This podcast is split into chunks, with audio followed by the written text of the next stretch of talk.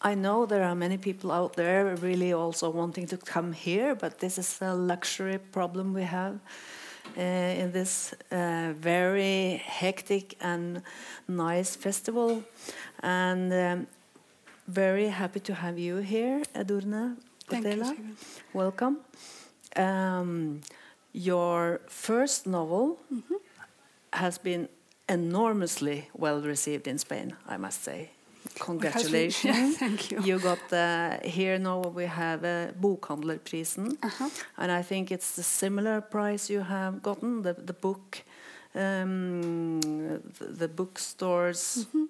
Yeah, the uh, major mm-hmm. prize mm -hmm. you got. Yeah, the librarian um, association, the mm. Librarians Association of right. Madrid gave me the, and, and the prize. Yeah. This is for for um, this novel, Mejor la ausencia, and you are about to publish the second one. Mm -hmm. um, so, uh, and you also are, you have a past as an academic. Mm -hmm. You write also essays. And um, The Echo de los Disparos, gjenklangen av bombene. Uh, the Echo of the, the, the shooting mm. Is also the title of, of our meeting here. Um, but I would like to part from um, first, first of all this novel, which really, I must say, I couldn't put it away when I started reading it. Um, and if we should try to give it uh, uh, an English title, we, we decided this morning mm -hmm.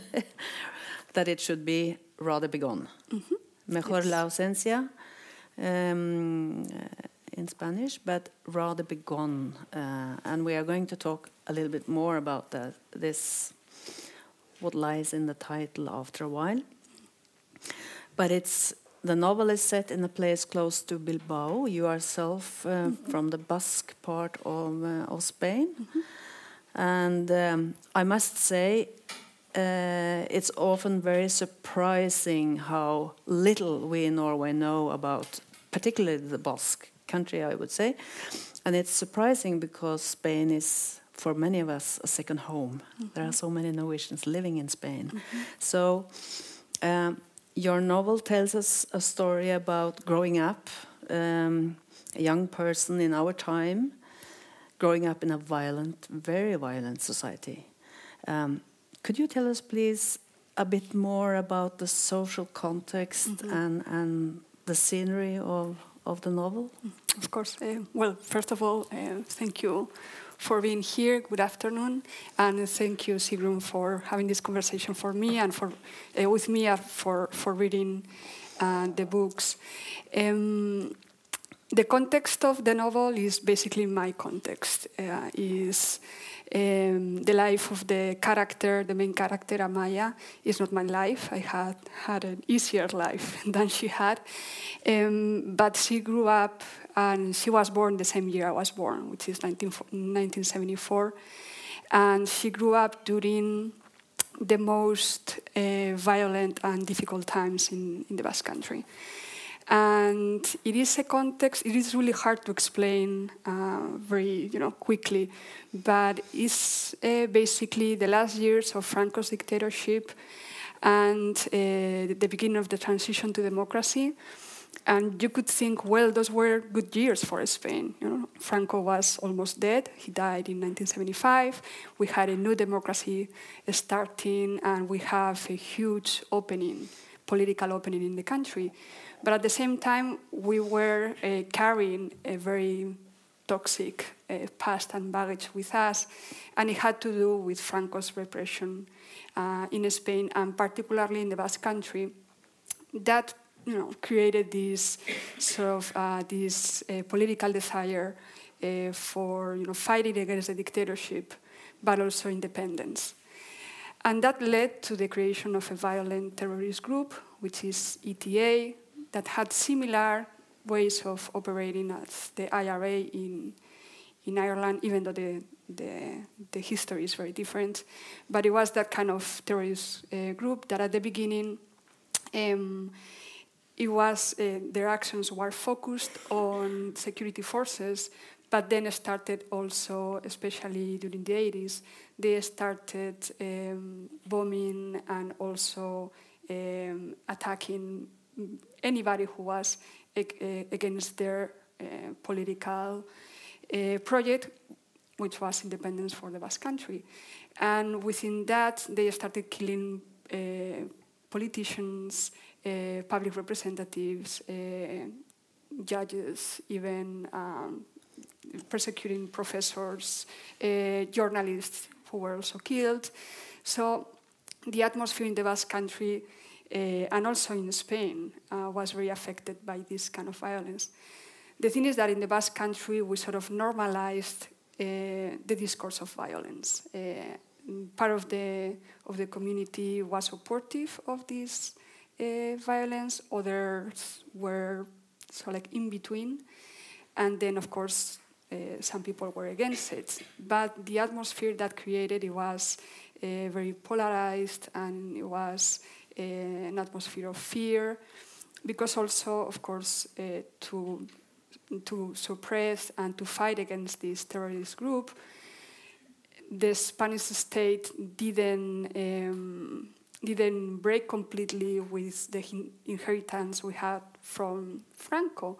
And in the 80s, you know, there was this paramilitary group created uh, with um, with the approval of, of the Spanish government and the social democrats. And the social democrats, yeah. and that was terrible. So we had to suffer that violence too, which was, you know, it's not comparable mm, with uh, terrorism, but it's state terrorism nonetheless. Mm. And also the way the police and other security forces in Spain acted in, in the Basque country was sort of um, arbitrary against civilian population too. So, you know, this is sort of like simplifying a lot, but in a way explains the kind of atmosphere we had when, when someone my age uh, was growing up. Mm. And um, uh, the symbol of Guernica. Um, th this symbol is very well known here in Norway, although we might not know much in detail mm -hmm. about what's going on in, in, in the Basque country, at least uh, the symbolism of Guernica and actually also the painting of Picasso mm -hmm. came to Oslo as the very first uh, uh, place after the, the world exhibition. Mm -hmm. So there was a lot of attention uh, connected to Guernica, and it, I think it has stayed with us as a, as a very strong mm. symbolic impression, uh, at least. But do you think yourself that um, the special situation of the, the Basque country is connected uh, mostly to to that kind of past history, uh, the civil war, the symbolism yeah. of, of, of, the resistance mm -hmm. in, in the Basque country? It is in a, sort of a difficult way because Guernica for us is the symbol of repression and the barbaric ways of uh, fascism, right? Mm. And that was specific against Basque population, but we have to think that many other people in Spain suffered the way the Basques yes, suffered. Exactly. So Guernica uh, has been used by the independent uh, movement to signify the repression of the Basque people from the civil war all the way to the present. And that, of course, is a manipulation of history. Mm -hmm. Because one thing is, uh, is Franco's dictatorship, the, the, Spanish Civil War, the dictatorship, um, everything that we suffered in the Basque Country, which is comparable to other regions. The thing is that in the Basque Country was specifically focused on any kind of um, action that was uh, related to uh, the Basque culture and inheritance.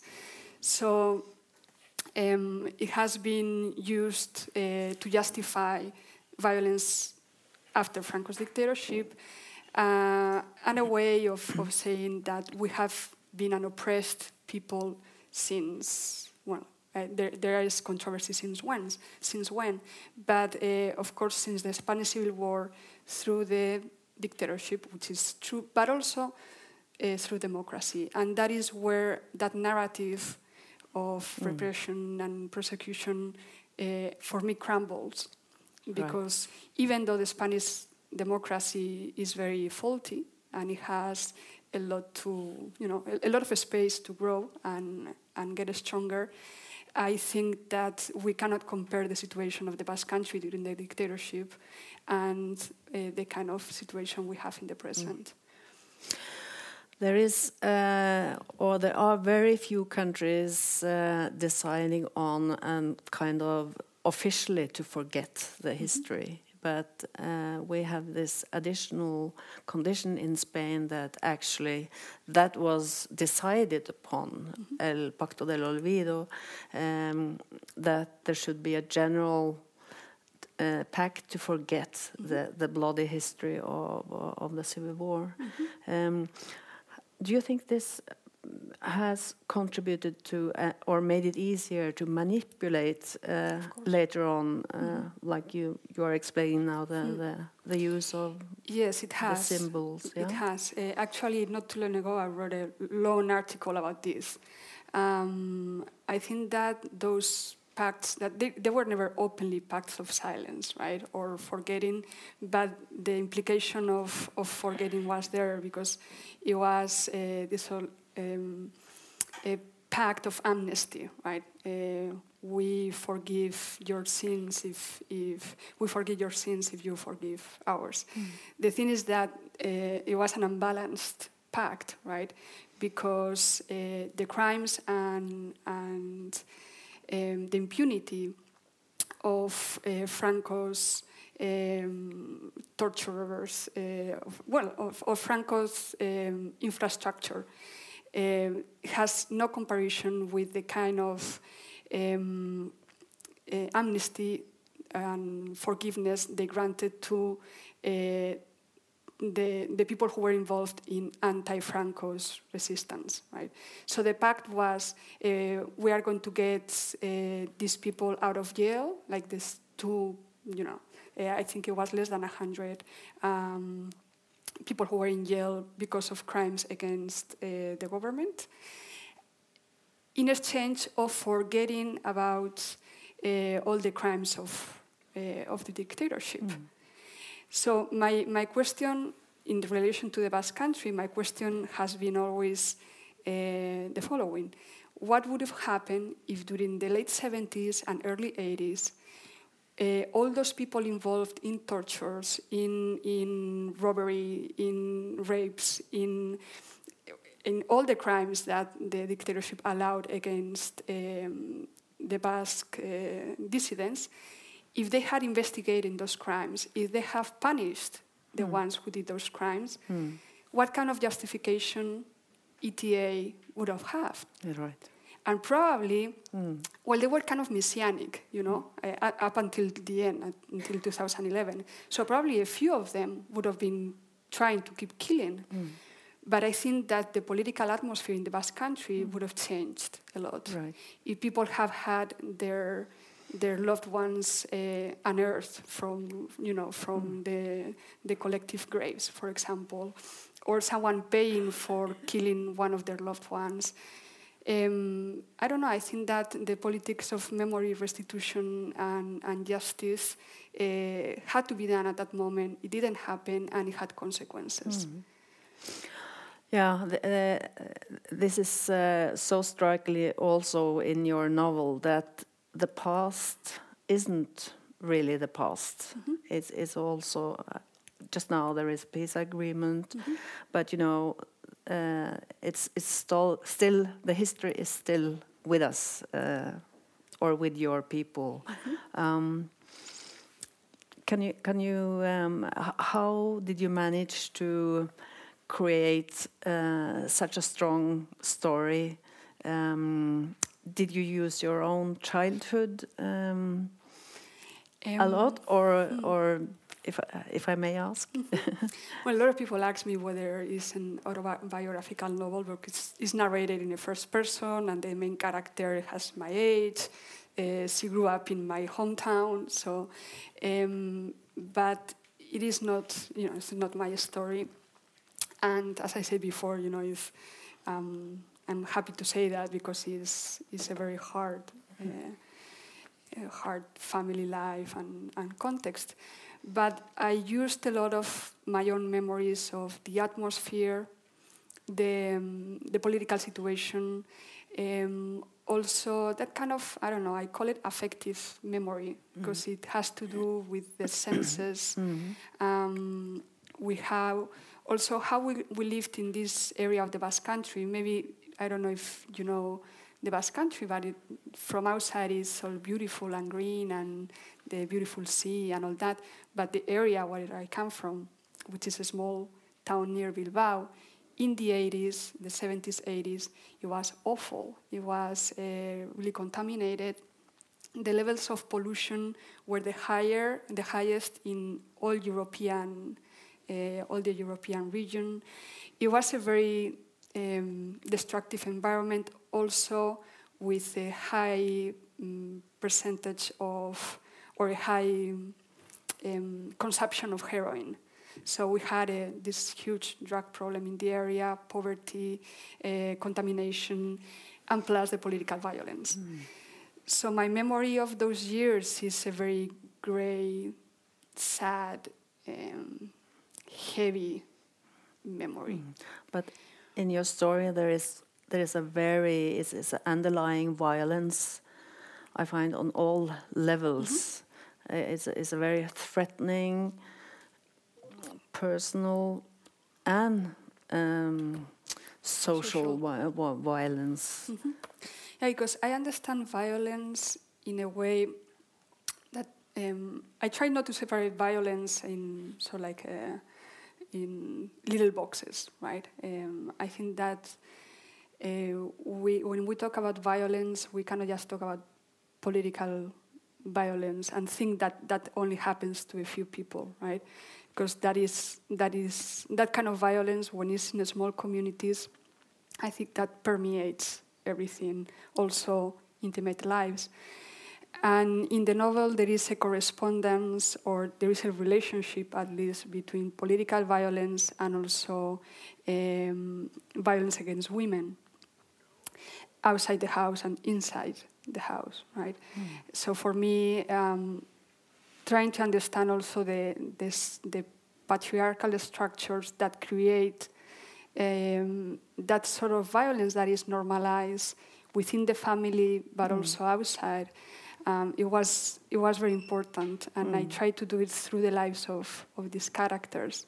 Mm. Because what happens to to Amaya, the main character, um, eyes out the house as a young woman, um, growing up, no? uh, is very related to what happens in her house between her father and her mother, and the kind of violence the father, you know. Um, uh, directs mm-hmm. towards uh, the women and also the, the woman, his wife and also the children in the yeah. house. And, and the way she relates also above all um, to the mother mm-hmm. uh, and her long long road in realizing that she she is also a victim of, of the political situation. Mm-hmm. Yeah. I, I, find this is a mm. very maybe the strongest part of mm. of your novel. You have really investigated the, the, a complex uh, psychological situation. Mm. Um, uh, how did you manage to do that yourself? Um, I mean, um, going back to the title, did you need the distance to be able to write uh, this close to the mm -hmm. actual situation? I think I needed the, the intellectual distance. Mm-hmm. Um, well, it's true that you know, I, I have lived outside the Basque country for many years. Um, and I think that that is important to have maybe a little bit of perspective.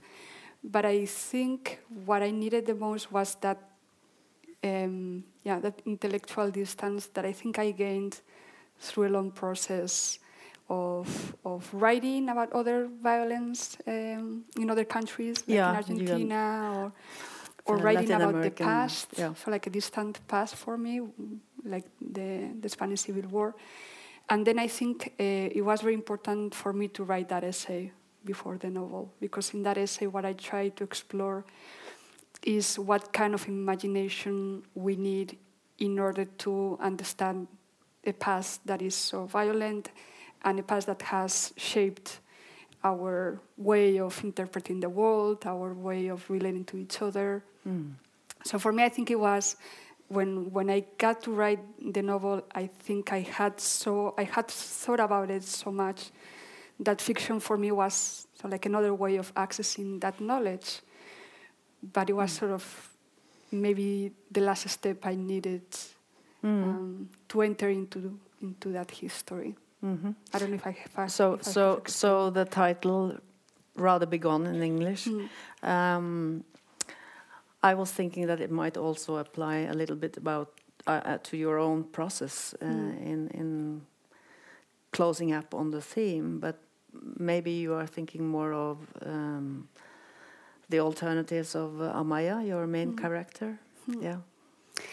Yeah, and also her relationship to or with her father, right? This father figure in the novel is very, mm, it's very negative. He's a violent father, which disappears from her lives, uh, disappears and but always returns, and returns as a threat, right? Because he's he's not a very nice man. um, so I think it has to do with that too, because when it when we talk about absence, right, which is ausencia in, in Spanish, we give it so like a um, so like a melancholic, nostalgic uh, sense, Mm. and in this case, it doesn't have that, right? It's Right. better, Yeah, it's, it's a rejection. Mhm. Yeah. so it's better be gone, like he, he better be gone, right? Mm. the father, but also for her sometimes that you know she needs to be absent from from her context, uh, her reality. Mm. Uh, how do you feel that you are being read? Are you also being read like um, uh, in in this period of Me Too stories and uh, focus on on um, uh, on, on uh, machismo?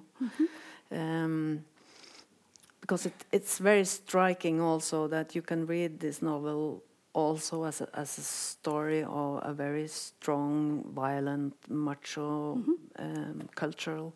Yeah. Um,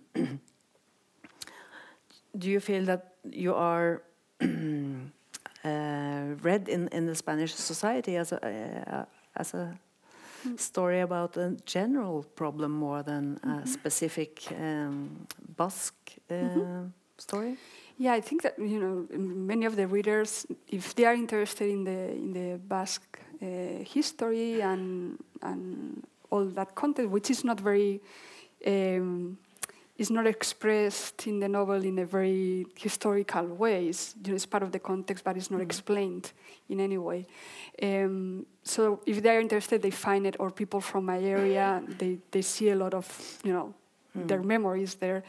But then outside the Basque Country, the the reading goes more towards The uh, political. see, the and also the you know a story of a woman coming up, uh, uh, growing up, sorry, in a sort of like in a machista, uh, Mm. violent society, Mm. and also outside the the Spanish context in Latin America, I think the reading is it goes more towards that. It's sort of like a what, sort of a Bildungsroman. Some people talk about that in you know in a feminist uh, way of of approaching reality and also narrating also narrating the body and how you know how that's growing up from a kid with you know she's five when the novel Mm. starts up to when she's 35 um, you know how everything seems to be narrated through also through the body experience of becoming a woman and, and Mm. all that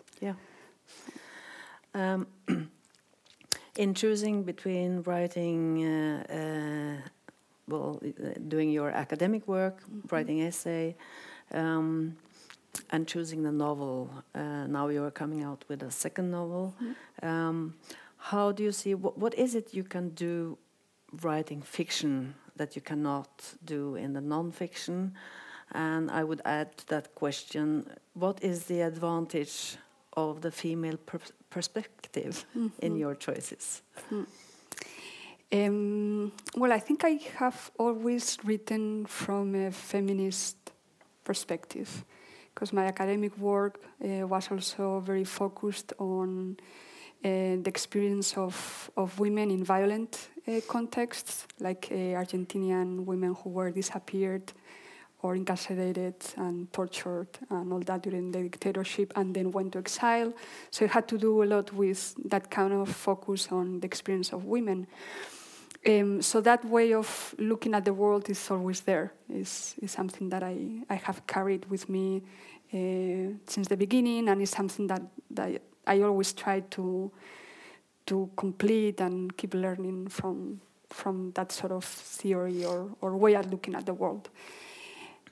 The the jump from essay, well, first from academic essay to this sort of essay, which is more um, approachable, Literary, yeah. literary and from that to to fiction uh, has been very exciting. Has been a way of accessing a kind of knowledge that I didn't know it was there. You know, I I, I always heard writers saying that, you know. Um, when they write fiction, that they don't they don't are really conscious about sometimes about mm, what they are writing or they are conscious about what they are writing but they don't think oh i'm going to write a metaphor right? The metaphor comes and Yeah. suddenly it means something. So the way i used to write it was uh, when i wrote essay it was very strict in the sense that you know you have a methodology um, that you have to follow. You have to quote others. You have to have this sort of genealogy in your head, and you respond to others in a way that well you want to um, grow that corpus of knowledge with, with your contribution, but you know that you are owing. No. Uh, writing fiction is is something completely different. You you get carried away um, not just mm, by the story itself, but you know certain words that suddenly open up an image, Yeah. and you know you follow that. So the methodology for me has been completely different and very liberating. Yeah. I, I must say. Opening up dangerous rooms, perhaps? Uh, yes, Yeah. that's that too, and sometimes it's scary. Yeah. The Yeah, kind of things that that suddenly are on the page, Mhm. but you know that before that were inside you. Yes, and with so much, I mean, silence Mm-hmm. uh, in particular part of, uh, in that your part of the country, also Hmm. uh, dairy to to break the silence, I guess. Well, but the thing is, I never thought of that when I was writing. Like, for example, when I was writing the, this novel, I didn't even know if it was going to be published. You know, I had a publisher with, you know, he he published the essay and he was waiting for the novel, and he was very supportive. But I thought, well, maybe he doesn't like it, and or maybe I can't finish this. So I wasn't afraid of the public. Uh, I was afraid of the public when I when the editor told me, "Oh yeah, we are publishing this," and then I said, "Like, oh my, what is going to happen?" But Yeah. when I was The writing, I, I the fear or or the anxiety or um, the surprise was to see on the page some things that I never thought I had inside me, Mm, and that's that can be beautiful, but it can be very scary too. sure. So Yeah. because you access other other parts of your imagination, of your affects too, Mm. and I think that is something that only fiction can give you. Yeah. Like in, because you let go of, of that rationality and that control. At least I do. Mm. Um, that I have when I have to write other kind of text. Also, in your book, Amaya is struggling. She's Mm-hmm. struggling quite hard, actually, to to realize the truth. What what is her truth? Mm-hmm. Uh, the truth of her life, um, and of course, the truth can be different always to different uh, Mm-hmm. people. Mm, how has your story been received in the, in the Basque part of uh, Spain? Um, surprisingly well. Mhm. I think that the essay was more controversial. Um, it was really hard too. It was a very, I think, aggressive essay. Mhm. And it went at the beginning, it didn't went well at all. And then now it's picking up. And I think it's because of the novel. Mhm.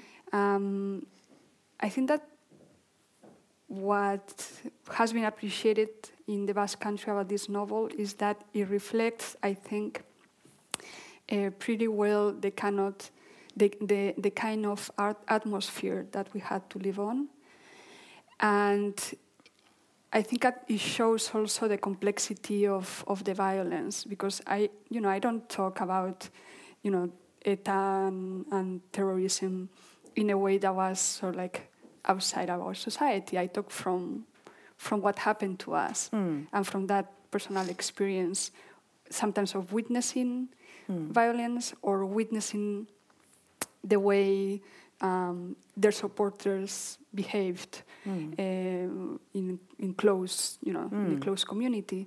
But also, I talk about other kinds of violence. You know, Mm. that everyday violence, for example, of you know, every Wednesday we had demonstrations in my hometown because every week, you know, that happened.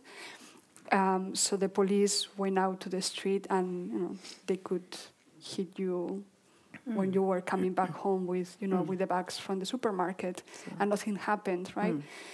um, so I, I speak about the the many ways that that violence affected us but not trying to take part or explain or say this is right this is wrong or have like the monster and the hero Mm. but more from our everyday experience Mm.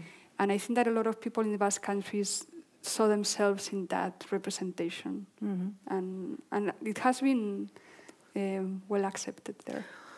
Well, w- one thing is the vicious, vicious circle of the violence, Mhm. of course, but uh, I think you also, uh, as you do in, in your essay, you point to a certain kind of narcissism, uh, a, a really harsh selfishness in, Mhm. in many violent actions, and that it leads to the lack of empathy and a Mhm. lack of compassion for, for other people that you Mhm. are not, in the end, you aren't able to see maybe your neighbor. Um, isn't this dangerous to point to in, in uh, the Basque country? Um, I don't think it's dangerous anymore. I think that if if I would have said that, if I would have published that essay, let's say 10, 12 years ago, it wouldn't be hard for me to Yes. to be there. Right. Um, now there is there is another even the most radical people I think that they are learning to at least discuss these kind of things publicly without threatening others Mm. although still there is there are certain you know nucleus of violence that are Mm. um, or you know ex-violent people that are really radical but um, i think that we are trying to understand uh, what happened to us in a more reflective and calm way and i think that Mm. the essay contributed or is contributing to that a little bit because you know i write from within that society and i don't say well they were um, unethical or they didn't behave well because they didn't have empathy for others i say we Mm. I, I place myself in that history and I recognize that I was one of those. Mm. Mm. That I preferred to, you know, not to go to a demonstration um, in my hometown against, you know, some ETA action Mm. because I didn't want to get involved. I preferred to live, you know, Yeah. uh, with my back, Yeah. Yeah. or, or, you know, I didn't know many of the things that happened in my hometown in relation to this violence, not because uh, I couldn't know about them, it's because I didn't want to know. Mm. So I, I do my own self criticism, but I say I wasn't the only one. Most of us acted this way. Mm. So now that we don't have, you know, a pistol in our heads, maybe it's the time to do that self criticism and say, Mm. what did I do then? Not to say, oh my goodness, I'm such a bad person. No, Mm. at least to say, okay, from the present, and when when the victims are claiming, you know, their rights and the right to memory and all this, Mm. what can I do now, and how can I fix at least a little bit uh, Mm. all those things that I, I, I didn't do well in the past. Mm. So, after all, there is a lot. Uh, it, it's a major improvement in in terms of being able to speak about the violent past. But there are also very strong voices in Spain. I understand saying that uh, or warning about the danger that you know um, lifting the the um, things. It's better to forget about a lot of things, and that, that it's dangerous to to bring back. Yeah, uh, I'm completely against that. Yeah, Mm. I'm completely against that interpretation of of uh, history and But how do you see that discussion in? Uh, Because Mm. I can see that there is still an ongoing discussion in Spain. Well, there is a discussion in Spain about forgetting the past, especially the Franco's Mm. uh, dictatorship, and is also, uh, you know, that kind of claim in the Basque Country in relation to to violence um, of ETA and also the state, right? And I think that the most, the, the ones who claim more for, for forgetting and forgiveness without doing the work are the ones who have been in, involved Mm. in any of uh, you know this uh, this violence uh, in the Basque Country, the past, the, Mm. the Francoist past.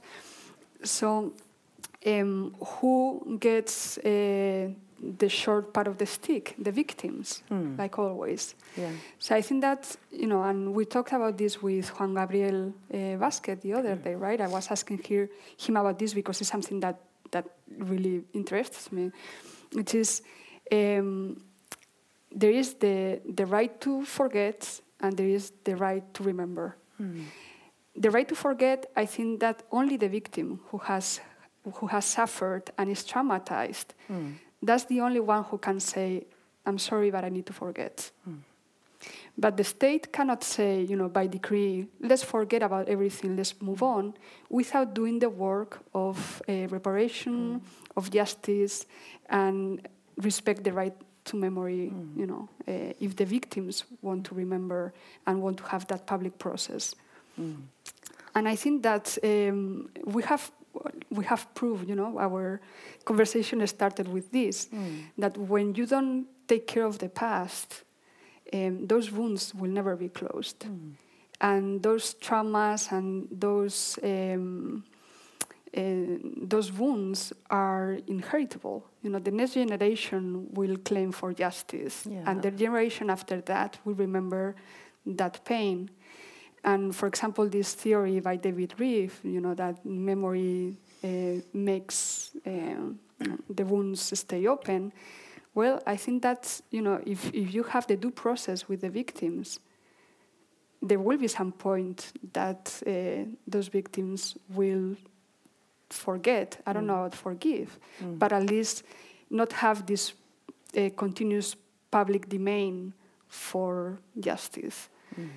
And I think that you know in Spain we haven't learned anything from our past. We are still Mhm. fighting to see where we where Yeah. we are going to take the remains of Franco. Franco, yes. Uh, yeah. mm, They should just burn them and I don't know throw them Mm. to the sea so we don't have to see him again. yeah. But we still have that discussion, and there's still people claiming that his right place is that horrible mausoleum. Mm. We are still there. Yeah. Maybe you So- also see some of it in in the Catal- uh, struggle in Catalonia hmm that you have. Yeah, that's another kind of worms.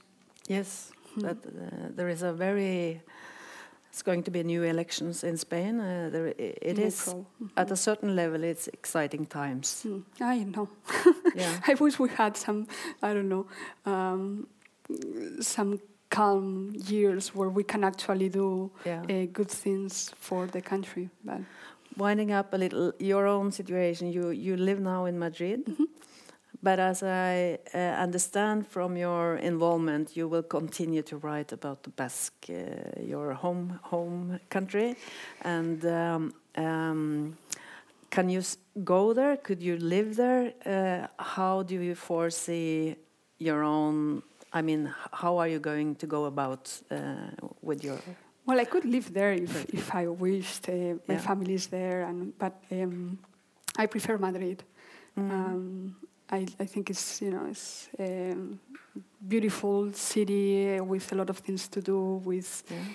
um, anonymity if you want it and a lot of cultural things going on um, if if you want to mingle with the Yeah. cultural crowd. Has it something Um, to do with the title of your next novel, Ways of Being Away? like I'm always Formas de estar lejos. Um, that novel has to do with with uh, the United States because I lived there for Yes. for 18 years. So it's it's staying away. Yeah. Yeah, it has to do with that. Also with the Basque Country because yeah, it's part of who I am, and Mm. that I think that I carry that with me.